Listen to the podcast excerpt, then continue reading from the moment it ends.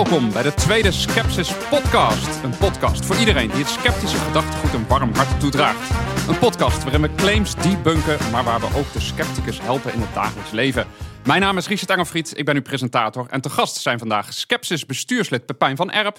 en Japke D. Bauma, columnist bij NRC en taalscepticus. En wat dat is, dat hoort u straks vanzelf. En tot slot gaan we vandaag ook in op de vraag... of het wel eens gelukt is een sceptisch gesprek voeren. Maar eerst weer even ter introductie naar Pepijn van Erp. Je bent bestuurslid. In de eerste podcast heb je al keurig uitgelegd... wat de stichting Skepsis allemaal doet. Misschien toch nog even het verschil in Skepsis met een K en Skepsis met een C. Ja, dat is wel een uh, goed om dat nog even te benadrukken. Want de, vaak worden we afgeschilderd als van die mensen die overal een beetje over zitten te zeiken. Ja, hè? Sceptisch met een C, zeg ik, is dat dan? Nee, maar skepsis met een K, dat gaat over, dat komt uit het Grieks, skepsis. En dat betekent eigenlijk kritisch beschouwen. Dus echt kritisch bekijken. En wat het in de praktijk op neerkomt, is dat wij dus eh, bijzondere claims eh, bekijken met, ja, liefst zoveel mogelijk wetenschap die erover eh, te vinden is. Maar ook voor je logische verstand gebruiken. Maar Precies. Kritisch benaderen. Dus Ja. niet, niet per se meteen eh, afzeiken, maar gewoon, ja, We testen wel claims die andere mensen neerleggen. Ja. Met dank ook overigens aan eh, allerlei luisteraars. Want we hebben van diverse luisteraars ook al allerlei suggesties gekregen voor allerlei te debunken thema's. En vandaag gaan we daar ook eentje van behandelen. Want dat is ons vaste onderdeel, de pijn van Pepijn. Maar ja, eigenlijk Pepijn eh, is het helemaal niet jouw pijn, maar die van een luisteraar. We kregen een tip met dank uiteraard van Mees Groen. En Mees vroeg zich af of we iets konden met de polyvagaaltheorie van Stephen Porges. En de polyvagaaltheorie suggereert dat het een wetenschappelijke methode is om mensen van trauma's af te helpen. Wie deelneemt aan polyvagale therapie leert hoe je verschillende vagale reacties van elkaar kan onderscheiden door te zingen, te neurien of bepaalde bewegingen te maken. Een soort reset. Ja, en Pepijn, ik spreek je dan zeg, wat is nou precies de claim? Eh, Dat is nogal een verhaal, hè? Ja, het is best wel een lastig eh, verhaal. Eh, ik was het al een paar jaar geleden al een beetje tegengekomen. Want ja, die theorie die is ergens midden jaren negentig ontstaan. En het speelt zich af in de, de psychiatrie. Ja. En meneer Porges is, een, ja, is gewoon een respectabele wetenschapper. Eh, hij zit aan een topinstituut. En die heeft een, een theorie neergelegd die zou verklaren waarom mensen last hebben van de, ja, trauma's. Waarom ze dan niet goed functioneren in het leven. En heeft daar een soort... eh, ja, een heel anatomisch verhaal eigenlijk bij gemaakt. Dat- Ja, want als, als ik het goed begrijp, hè, daarom heet het ook polyvagaal. Hè. Hij zegt dus, we hebben drie vagale systemen. En het, het eerste vagale systeem, dat, is, dat kent iedereen misschien wel, dat is de freeze bij een gevaar. Hè, dat je helemaal verkrampt. Het tweede, dat is een, een vecht- of vluchtreactie. En daar is de wetenschap het wel over eens. Maar dan de derde, die zegt hij, die voegt hij dan toe, dat is het sociale verbondenheidssysteem. En vooral dat laatste stuk daarvan zegt de wetenschap eigenlijk, dat bestaat helemaal niet. Nee, dat klopt. Er is eh, eigenlijk al van het begin af aan volgens mij best wel kritiek op eh, hem gekomen. En eh, de, een van de grootste critici die daar het meest tegenin is gegaan... is ook een andere psychiater uit Zwitserland, de meneer Grossman. Die heeft vorig jaar eh, ergens in maart, als ik het uit, nog een groot overzichtsartikel geschreven... waarin hij eigenlijk eh, stapsgewijs alle uitgangspunten van die polyvagaaltheorie van, eh van Porkers... Weet je, ja, eigenlijk stuk voor stuk onderuit schoffelt... En eh, dat, dat begint eigenlijk met de kern al. De, de, de, hele theorie is genoemd naar de nervus vagus. Dat is een zenuwsysteem eigenlijk die vanuit de hersenen rechtstreeks het lichaam in ja, gaat. En daar een connectie maakt met het hart, met de longen, maar met ook spijsverteringskanaal. Dat is eigenlijk met je de belangrijkste informatiebron voor de hersenen van wat er allemaal in je lichaam gebeurt. En Porges die heeft bedacht van dat systeem dat dat bij, bij eh, zoogdieren eigenlijk in, in tweeën is gesplitst. Dus je hebt de ene eh, eh, tak is dan zeg maar oud, die, zou je al, bij- die kom je al tegen bij reptielen en zo. Dat is een beetje wat, wat zorgt dat, dat je hart dus die freeze veroorzaakt. Maar bij zoogdieren, want die zou, daar zou het ook een beetje op een rustige manier zeg maar, je, je hartslag bijvoorbeeld kunnen gaan remmen. En dat zou dan heel erg samenhangen met hoe wij sociaal met elkaar omgaan en ook de gezichtsuitdrukkingen. En eh nou, hij, Borges heeft dat beweerd. En eh, ja, er zitten een paar aspecten aan. Dus hè, dat, die, dat die twee systemen eigenlijk op diezelfde zenuw zitten. Ja. Daarom heet het ook poly, Ja, precies. Daar komt even die term. En dat het dus evolutionair zo gegroeid is. En dat we het eigenlijk alleen maar bij eh, zoogdieren zien. Ja. Nou, en dat blijkt dus allemaal niet te kloppen. Tegelijk, het slaat wel aan. Hij heeft wel behoorlijk veel succes. Er wordt heel veel in deze, met deze theorie gedaan. Er is een heuse beweging van therapeuten. Uh, waarin bijvoorbeeld dan gesteld wordt dat levenservaringen ergens in je lichaam terechtkomen. En dat je dan heel veel moet gaan zingen en neurien om tot rust te komen. Want dat ga je dan praktisch doen, begreep ik. Ja, nou ja, die, die, die nervus vagus, die activiteit ervan, die is heel moeilijk uh, zomaar te meten. Want ja, het zit heel diep in je lichaam. En ja, je kunt het niet zomaar even een paar elektroden of zo inprikken. Maar er is één aspect uh, wat daarmee samenhangt. De activiteit is, is je, je, dat heet dan de, ja, de afkorting is RSA. En staat voor mij voor uh, respiratory sinus arrhythmic. arrhythmia. Nou, veel, veel dure termen. in ieder geval dure term. RSA is lekker makkelijk. Maar dat kun je redelijk makkelijk meten. Dat meet je van je hartslag in combinatie met je ademhaling. Maar dat is maar één aspect eigenlijk van wat die, verge, die, die nervus vagus doet. En wat, dat is ook een kritiek op Porges. Die zegt van ja, hangt alles aan die, meten van die RSA hangt hij eraan vast. Dus als het daar dan een beetje goed zou gaan in hun ogen, dan ben je dus blijkbaar ook aan het werken aan, aan die uh, ja, de verstoring van het hele systeem met door trauma's of wat dan ook. En, en ik las even, ik lees even voor uit een wetenschappelijke meta-review. Dus niet alleen maar één persoon uit Zwitserland, maar waarin ze alles hebben samengedaan. En daarom wordt gesteld: there is broad consensus among experts that each basic physiological assumption of the polyvagal theory is untenable. Met andere woorden, onhoudbaar. Much of the existing evidence upon which these consensus are grounded strongly indicates that the underlying polyvagal hypothesis have been falsified. Dus het is niet alleen maar een kwestie van, ja, we weten het niet helemaal, maar gewoon, dit is echt onzin, dit kan de prullenbak in. Ja, precies, omdat ze dus bijvoorbeeld, die, uh, wat ze zeggen dat uniek is voor zoogdieren, dat ze dat ook hebben aangetroffen bij longvissen, die dus evolutionair veel vroeger staan dan mensen. En ook bij vogels, die hebben ze, dat zijn dus oh eigenlijk reptielen, de vogels, of zijn eigenlijk dinosaurussen. Ja.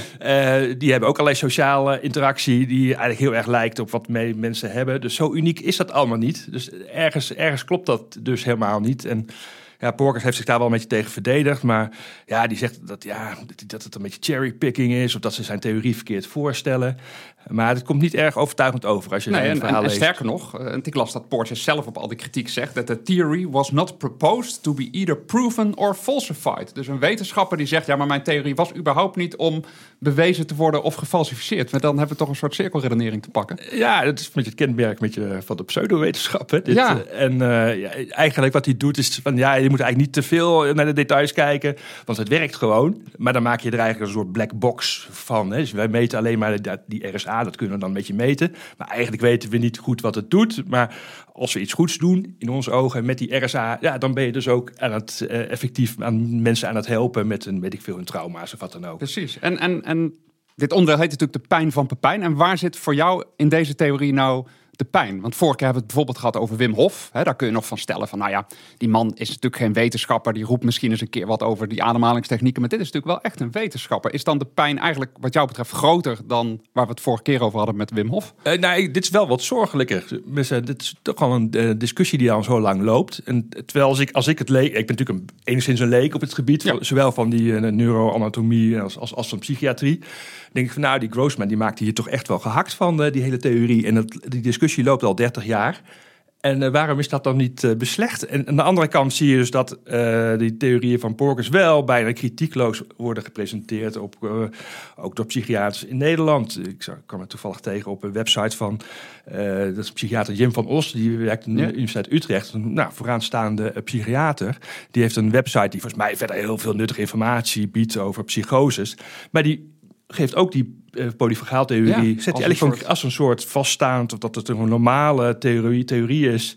Nou, en nog, ik kwam hem ook tegen op de website van de Rino Groep. Dat is een, een club, daar kun je allerlei cursussen volgen. Hè? En daar kunnen psychologen die accreditatiepunten willen houden, hè? zodat ze een beroep mogen uitoefenen, kunnen dus geaccrediteerd bullshit volgen om, om psycholoog te blijven. Dat is toch wel zorgelijk. Ja, dat is merkwaardig.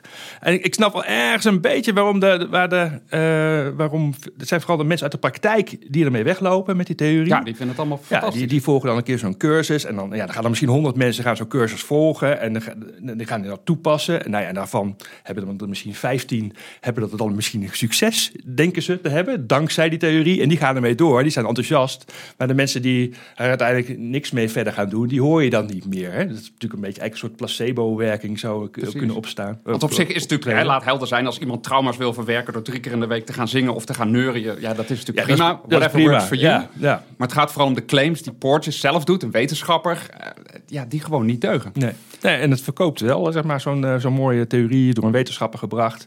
En hij heeft vier grote successen. Hij treedt volgens mij regelmatig op voor enorme zalen voor uh, flink wat geld. Precies. Dus het is, ik denk dat hij ook wel zelf in is gaan geloven in ieder geval. Heel hard. Precies. En zit er ook nog um, um, gevaar in het feit hè, dat hierdoor in deze theorie wordt ook gesuggereerd dat lichamelijke klachten altijd komen door trauma's. Dus ik moet voortaan met mijn knieklachten naar een psycholoog. Eh, ja, dat is misschien wel. Er is, is wel. Mensen hebben natuurlijk soms wel last van iets. En uh, er zijn andere. Uh, bijvoorbeeld een psychiater die ook heel populair is. Is Bessel van der Kolk. Dat is een, een, een, een Nederlandse. van oorsprong Nederlandse Amerikaanse psychiater. Die ook in 2022 volgens mij zomergast was. Die heeft ook een soortgelijke theorie van trauma. Dat slaat zich op in je lichaam. Dus als je klachten hebt en hij, dan gaat hij dan analyseren en zegt: Oh, ik zie het, alles ziet al je lichaam al. En daar zit het trauma, dus daar moet je dan aan werken. Ja, dat is toch wel heel iffy, vind ik. Ja, dat, want het uh, zou natuurlijk kunnen dat trauma's doorwerken in je lichaam, maar het betekent niet dat het altijd zo is. En daar nee, zit natuurlijk nee, het gevaar dat we mensen problemen gaan aanpraten die er niet zijn. Ja, en toch de psychiatrische problemen zitten toch in je brein, denk ik toch. Ja, nou ja, laten we met elkaar uh, ook dit probleem aan de kaak blijven stellen. En ik stel voor dat we voortaan in plaats van polyvagaal spreken over polyvaagtaal. En dat is dan gelijk een heel mooi bruggetje naar onze volgende gast, Japke D. Bauma. Uh, want het volgende onderdeel gaat over mensen die het sceptische gedachtegoed omarmen, maar die in de praktijk tegen allerlei dilemma's aanlopen. En vandaag praten we daar dus over met Japke de Bauma. Je bent NRC-columnist en mag ik zeggen bestrijder van polyvaagtaal? ja, zeker weten. Ja. Een kruistocht noemen ze het vaak. Een kruistocht, ja. Uh, dat zijn mijn fans. Uh, maar de mensen die geen fan zijn noemen het een achterhoedegevecht. Hè. Mevrouw Bauma omarmt toch al die vaagtaal, want taal verandert, zeggen ze dan altijd. Nou, daar ga ik me helemaal niet bij neerleggen. Ik ga natuurlijk gewoon lekker door met mijn kruistocht tegen de polyvaagtaal. Ja, tegen polyvaag. Want eh, ik, ik, noemde je ook al een beetje een taalscepticus. Kun je eens wat voorbeelden geven van het soort taal waar jij je dus tegen verzet? Wat zijn nou types ja. van die voorbeelden? Dat, dat vind ik echt vreselijk. Nou, het zijn, het zijn vaak losse woorden. Hè? Woorden als transparantie, innovatie, disruptie, uh, agile, lean. Hè? Dus ik doe nu even een combinatie van allerlei jeuktermen, jeukwoorden zoals ik ze dan noem. Maar ja, het ergste is natuurlijk als die termen worden gecombineerd tot zinnen. En nog erger, beleidsrapporten of strategische visies. En dan krijg je dingen als de oplossingen liggen in stakeholdervisie, verantwoordelijkheid en eigenaarschap creëren binnen relevant landelijke en regionale samenwerkingsverband. Ik, ik of was natuurlijk, bijna kwijt met dat jargon, maar ik ben jou nu ook kwijt. ja, eh. of wat ik ook heel mooi vind, uh, altijd de implementatiegerichte aanpak hè, met ruimte voor diversiteit in het vinden van oplossingen. Uh, Richard Engelfried. dus je kan er, het, het, zijn, het is een soort stopverf, zo, zo heb ik het vaak zelf genoemd. Je kan er allerlei gaten mee dichtstoppen. Als je niet helemaal precies weet hoe het zit, dan gebruik je dit soort termen. die Economist die noemde het ooit schuim dat ons verstikt als schuim uit een brandblusser. Dat vond ik ook een hele mooie. Zodra je dit soort woorden hoort, dan gaan eigenlijk je hersenen uit. En dan denk je van ja, het zal wel ongeveer hè, met die implementatiegerichte aanpak en monitoren van dwarsverbanden. Het is letterlijk heel vaag, dus we hebben eigenlijk geen idee wat er nou gaat gebeuren. Nou ja, en erger, uh, het wordt dus, want het is natuurlijk hartstikke leuk om daar uh, de grappen, de draak mee te steken. maar waar de pijn van Pepijn, in mijn geval van, van mij zit, is dat het ook heel vaak wordt gebruikt om mensen een soort hypnotiserende slaap te brengen. En vooral natuurlijk op het werk. Ja. Dat je manager dan dit soort termen gebruikt. En dat je dan denkt, oh ja, dat zal wel ongeveer. Dat je dan niet zit op te letten en dat je vervolgens bent weggepromoveerd naar, uh, naar uh, Schubbekutteveen, ik noem maar wat. Uh, maar ook dat ermee wordt gelogen. En dat is natuurlijk een grote categorie. De politieke jeuk wordt, de politieke vaagtaal. Hè, dat ze het dan ik hebben. Heb geen actieve herinnering aan. Bijvoorbeeld, maar ook uh, ombuigen. Hè, we gaan 500 miljoen euro ombuigen. Uh, nou, dan denk ik, nou leuk, dat komt dan ergens terug. Nou, dat komt helemaal niet terug. Dat verdwijnt, verdwijnt natuurlijk in een diepe put. Dat zien we enorm terug. Ombuigen is gewoon bezuinigen. Um, en zo zijn er heel veel uh, nare categorieën van de jeukwoorden. Uh, ik probeer natuurlijk altijd een beetje de zonnige kant op te zoeken, zodat mensen toch nog leuk vinden om er af en toe mee geconfronteerd te worden. Uh, maar ja, ik kan niet ontkennen dat er ook uh, echt wel dooien bij vallen. Ja. Dus, echt dooien vallen. Nou ja, daarom goed dat je hier vandaag ook bent. En, en je doet dat dus door middel van columns. tegelijk, je geeft ook allerlei lezingen in het land. Je komt in heel veel organisaties. En nou komen we ook een beetje bij die dilemma's. Hè. Ja, ik voel je toch ook een beetje als een medestander in deze strijd. Zeker, zeker. Maar tegelijk, ja, jij zult ook wel eens dat iemand contact met je opneemt. en die noemt zich lead agent customer journey. Of een verbindende kwartiermaker van een gemeente die zegt van... God, Japke, we willen jou gaan inhuren. En het is natuurlijk ook jouw werk. Je verdient hier ook je geld mee. Zeker. Jij ziet zoiets model. staan. Ja, en je hypotheek. Eh, hoe, hoe ga je daarmee om? Want je ziet dan iets staan waarvan je denkt... Oh, wat vreselijk. En tegelijk, ja, dat is ook weer een lezing die je kan gaan doen. Ja, nou ja, ik, ik ga natuurlijk altijd in op een uitnodiging als mensen mij eh, vragen eh, om. Ja, meestal vragen ze me voor een luchtig half uurtje na afloop van zo'n verschrikkelijk congres met allemaal van dit soort termen. Eh, en waarom zou ik dat niet doen? Het is ontzettend leuk om de lach op zo'n. Je moet je voorstellen, die mensen zijn dan de hele dag in breakout sessies. Uit, eh, zijn ze bezig geweest met allemaal fl- flip-overs en verschrikkelijke. Om eh, de why te definiëren met de, stakeholders. De why te definiëren, inderdaad, heel goed. Ehm, en wat is dan leuker? Om dan die mensen te confronteren met die vaagtaal en dat ze dan allemaal in een deuk liggen. Ehm, en ik vind het ook altijd wel een eh, teken van kracht als, als eh, een organisatie of een ministerie of een eh, accountantskantoor of eh, nou ja, noem alles maar op, een farmaceut waar ik allemaal eh, geweest ben.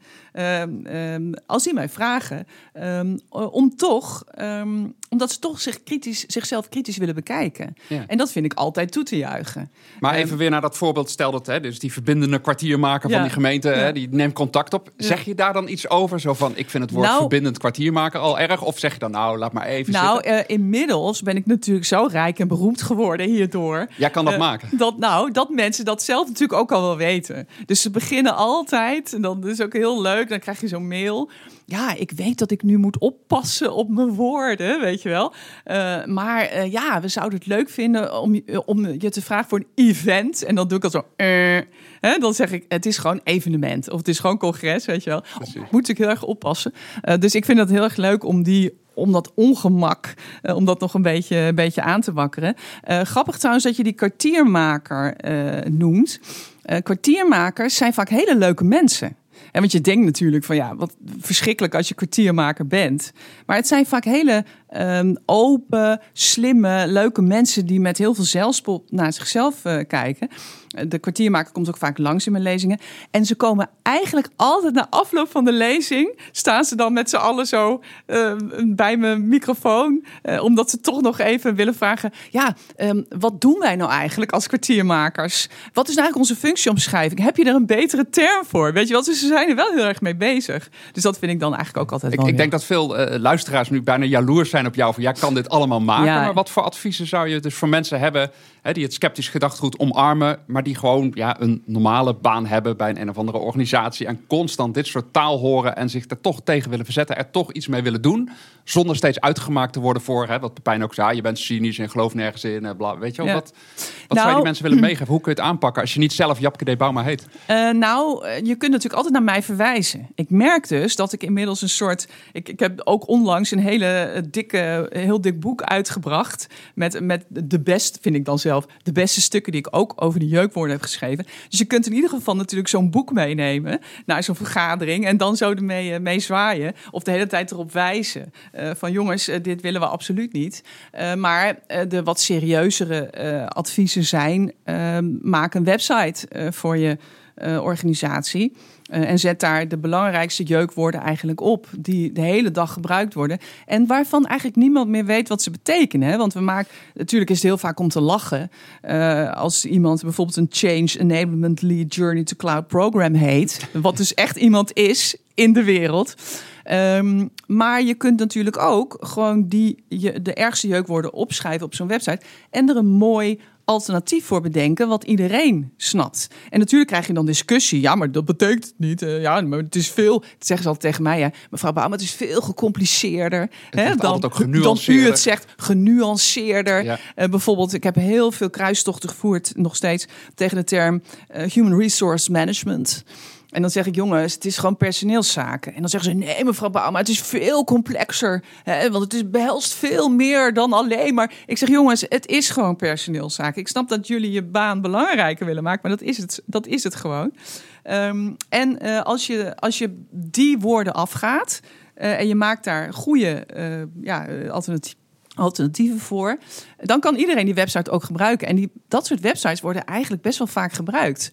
Omdat mensen toch eh, eigenlijk wel eh, eh, diep in hun hart duidelijk willen communiceren, zoals het heet, met hun klanten, maar ook met hun collega's. Precies, dus, dus dit is een manier. En tegelijk, hè, we spraken van tevoren Ik heb nog je zei veel ook- meer tips hoor. Nee, hoor, we de- hebben nog veel. Maar ik vond ook duid- een andere die, je- die je zei van... ik wil met mijn columns en mijn, hè, mijn lezing wat ik doe... ik wil mensen ook wel gewoon troost bieden. Want jij realiseert je misschien tegelijk ook...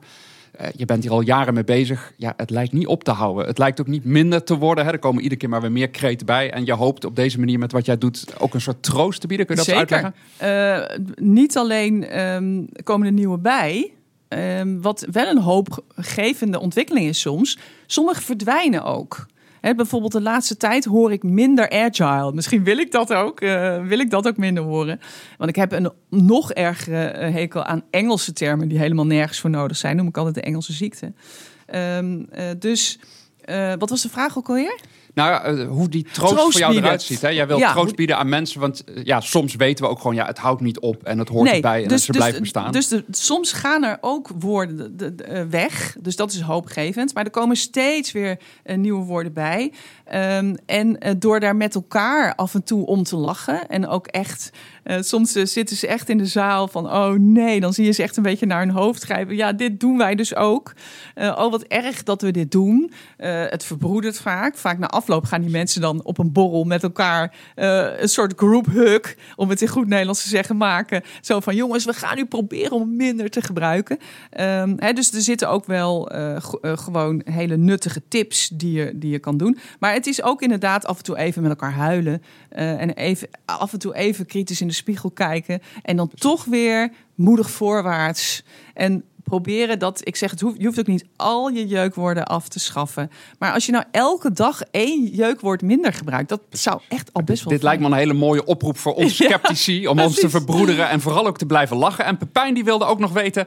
eh, heb je enig idee of dit soort taal... is dit nou een typisch Nederlands fenomeen, dit soort jeukwoorden? Of zien we dit in het buitenland net zoveel of meer of minder? Of, of valt er niks over te zeggen? Nou ja, de, de meeste bullshit, eh, om in jouw termen eh, Ja. te blijven, Richard, eh, komt natuurlijk uit de Anglo-Saxische literatuur. Ik, eh, toen ik zelf, eh, of wetenschappelijke, tussen aanhalingstekens literatuur, toen ik zelf economie studeerde in Groningen, ja, ik kreeg ook bedrijfseconomie. Dat was één grote bak bullshit, allemaal Engelse tekstboeken.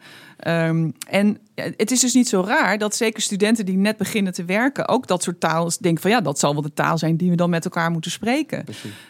Dus ehm, eh, zeker is het zo dat in, in Amerika eh, en in het Verenigd Koninkrijk dit verschrikkelijk eh, voorkomt. Eh, Vlaanderen. Er zitten ook heel. Hallo mensen uit Vlaanderen, als jullie luisteren. zitten heel veel van mijn fans, waar mijn boeken heel erg verkocht En, worden. en Dus zijn er dan nog landen met hoop? Waar je zegt van nou laten we in ieder geval in Finland, daar valt het mee? Of, ja, of- nou ja, zover ben ik nooit gekomen. Want ik spreek helaas geen Fins. Als ik het zou doen, zou ik het daar ook onderzoeken. Ehm, Duitsland zit er ook eh, erg onder. Ik had vroeger eh, had ik een eh, Britse evenknie. Ja, evenknie. Dat klinkt alsof ik alsof ze alsof ik Nee, maar gewoon iemand in Engeland Iemand die dat ook. Ja, deed, dank je. Lucy Calloway, Ja. ga haar zeker nog googlen van de Financial Times. En zij schreef ook gewoon, ik geloof, ik meen een tijd lang, elke week, net zoals ik dat een tijd lang gedaan heb, elke week een aflevering over een jeukwoord of over jargon, eh, wat, eh, wat verschrikkelijk eh, effect had op de organisaties. Dus het is zeker niet, wij zijn niet uniek. Wat natuurlijk wel uniek is in ons taalgebied, en dan kom ik toch weer op een stokpaard, is natuurlijk dat Engels. Want ja, we hebben dan al die jeukwoorden, zoals transparantie, toegevoegde waarde, creëren, levelen, sparren en noem maar eens maar op. Onze eigen woorden. En dan hebben we ook nog al die Britse en Engelse, er Amerikaanse bullshit erbij. Dus wij hebben het wat dat betreft wel behoorlijk zwaar. Ja. Nou, laten wij in ieder geval dan uit onze comfortzone blijven en onze authenticiteit behouden met alle stakeholders. En dan gaan we door naar ons laatste onderdeel. En dat is de maar van Maarten. En dat is een vraag die wordt iedere keer ingebracht door Maarten Koller. Ook bestuurslid van Skepsis. En zijn vraag is deze keer: wat was jullie meest succesvolle sceptische gesprek? En deed je toen zelf wat anders? Simpeler gesteld, Japke, heb jij wel eens een agile coach tot inkeer gebracht? Nou, die agile coaches zijn wel heel hardnekkig. Eh, eh, dus da- da- daar heb Daar ik... niet. Nou, Nee. dat is trouwens niet helemaal waar, bedenk ik me nu. Eh, ik kreeg ooit een keer een mailtje van een agile coach. Ehm, en hij, hem irriteerde eh, al die eh, krachttermen, zoals ik ze altijd maar noem. eh, de, backlogs, de roadmaps, de planning poker. De scrums. de, de scrums. noem alles maar op, wat natuurlijk bij dat belachelijke agile taaltje hoort. En hij vroeg toen aan mij, kunnen wij niet samen gewoon goede Nederlandse eh, equivalenten daarvoor vinden? Ehm, en ik heb hem toen geïnterviewd. En dat was een ontzettend leuk gesprek, omdat hij ook zei: Kijk, ik.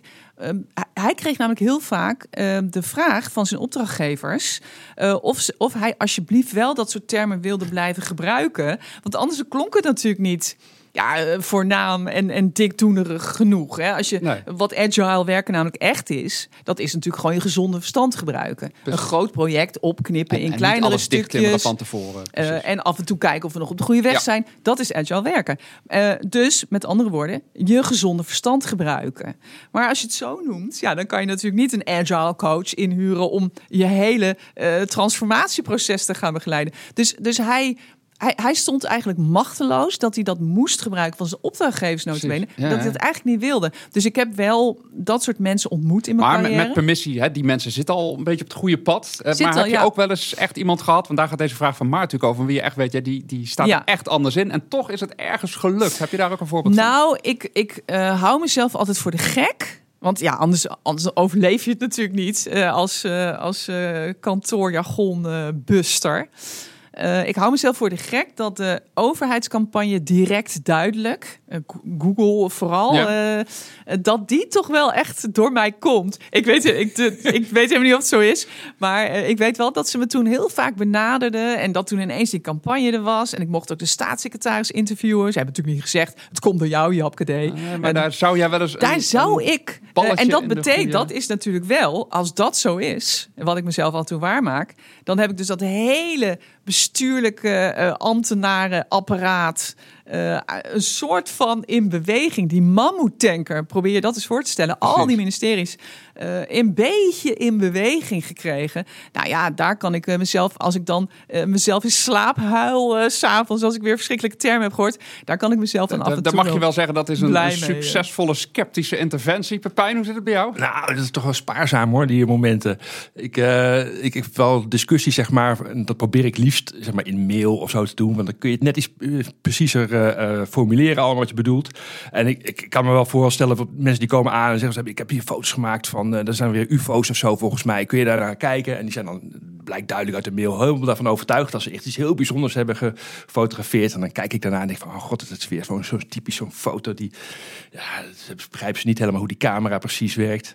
En dan probeer ik dan heel rustig uit te leggen van, nou, waarschijnlijk is het dit geweest. Maar en dan, wat, wat soms wel helpt, als ik aangeef van, u zou dit kunnen testen. Dat ik dan een soort uh, een stappenplan geef van, probeer het nog eens een keer om heel precies op te schrijven wat je gedaan hebt en nog een keer die foto te maken. En, dat is, en heel soms werkt dat dan toch van, oh ja, ik heb het nu gedaan. Ja, inderdaad, krijg je wel die beelden.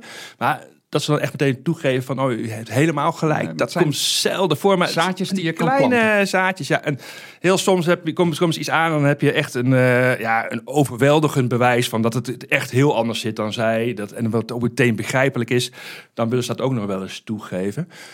Um, maar dat je mensen zeg maar, die al aankomen zetten met een idee van dat er iets heel bijzonders aan de hand is, dat dat dus helemaal niet zo is. Dat, dat die echte ommezwaai maken. Dat... Willem Engel overtuigen dat vaccins veilig zijn, dat gaat niet worden. Maar daartussen zit wel een groep. Ja, precies. Ik waar je wel zijn. Nou, zelfs met Willem Engel heb ik, die had ook wel, ik heb hem één keer gehad in het begin dat hij iets had beweerd wat inderdaad niet klopte. En daar had ik dus ook heel zeg maar, overtuigend bewijs voor. Had voor echt van een rekenfout of verschillende groepen met elkaar vergeleken. En dan wilde hij in eerste instantie niet toegeven, maar uiteindelijk is hij dat.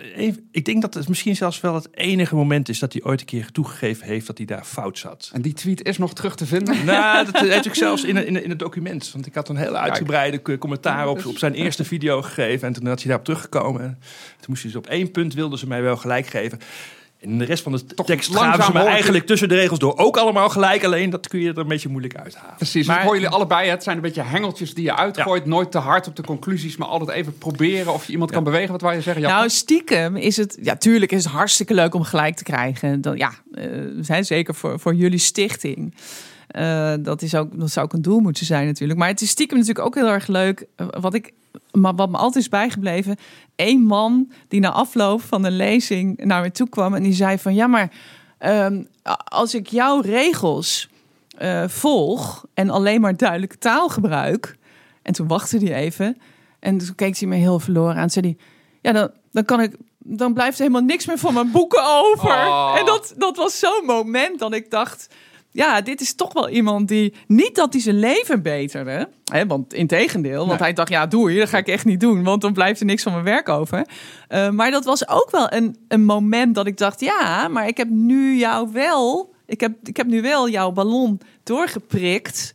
Ehm, dus dat, dat zijn ook weer hele, hele waardevolle momenten. Dus ergens ook weer een zaadje geplant. Dat kan overigens ook desastreuze gevolgen hebben. Dat heb ik zelf als dagvoorzitter een keer meegemaakt. Toen was er ook een meneer, ik krijg vaak die slides van tevoren. En eh, die ging helemaal los op die why van Simon Sinek. Oh ja, en, die ja. Nou, die meneer heb ik van tevoren ook een beetje jouw tactiek zo gevraagd van... Goh, hoe sta je eigenlijk in de wetenschap? Vind je dat belangrijk of niet? Nou nee, dat vond hij heel belangrijk. Dus ja, toen ging ik toch heel rustig uitleggen, stap voor stap... dat het toch geen enkel bewijs was. En sterker nog, dat er heel veel bewijs is voor het tegendeel van wat die man allemaal beweert.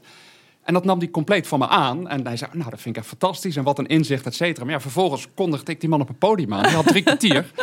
En die zei, ja, ik heb net met de dagvoorzitter staan spreken. Maar alles wat ik ga vertellen, dat slaat Nee. helemaal nergens op. Echt waar? Dus ehm, ik ga het hierbij laten. Oh, dit is geweldig. En nou ja, dat is hartstikke leuk. Maar die klant vond dat niet zo leuk. Want die had Oh, natuurlijk ja. heel veel geld betaald. Dat deze meneer drie kwartier losging. En een hele inspirerende worst ging voorhouden. Ja. Dat als we onze why zouden vinden. Nou ja, enzovoort. Dus ook daar, ik weet niet of het een succes is. Maar het is me in ieder geval één keer gelukt om iemand te overtuigen. Oh, dat is wel echt heel cool. Ik had ooit een keer, eh, ik had tegen die mensen gezegd, dat was de Rijksgebouwendienst. Nou, ik weet niet of dat mag zeggen trouwens. Nou, het is niks eh, ergs voor hun. Zij hadden mij ook gevraagd voor een lezing. En toen, en toen zag ik op het programma staan dat na mij eh, nog een, eh, een soort slotwoord van de directeur, of hoe heet zo iemand tegenwoordig daar, zou volgen. Had ik al tegen hen gezegd, jongens, doe dat nou niet. Als ik geweest ben, dan kan je beter daarna niet nog iets gaan zeggen. Want dan ligt die hele zaal natuurlijk in het deuk. Als ze die jeukwoorden van mij allemaal gaan ge- ge- eh, gebruiken en, en gaan eh, En dan uitlachen. iemand weer zeggen, fijn dat we weer een stip aan de horizon Ja, hebben dat, gezet op precies. deze mooie dag. Dus ik zeg, Ja. doe dat nou niet. Nee, maar die directeur, het was trouwens een vrouw, vreemd genoeg. Want meestal zijn het mannen die heel erg hangen aan die jeukwoorden en aan dat jargon. En nee, nee, nee, maar zij ging nog, eh, zij wilde toch nog iets zeggen. Oké, prima, weet je. Dus ik had die lezing gedaan en al die mensen, nou, ah, klappen. eh. En toen kwam ze dus naar voren en ik denk, ja, ik blijf er even bij staan wat er nu gebeurt. En toen zei ze van, eh, nou, ik heb, me, ik heb eh, dit, deze lezing aangehoord en eh, ik heb besloten, jongens, ik zeg niks meer, we gaan gewoon lekker naar de borrel.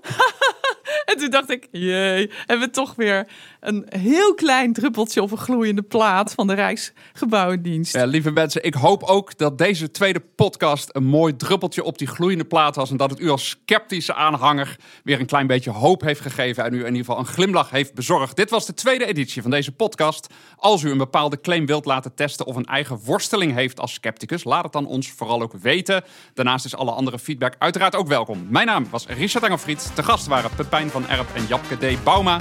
Samen maakten wij de Skepsis podcast vanuit de zeer gastvrije studio Assie in Rotterdam. En over één ding zijn we niet sceptisch en dat is het verschijnen van de volgende Skepsis podcast. Daarom graag tot een volgende keer.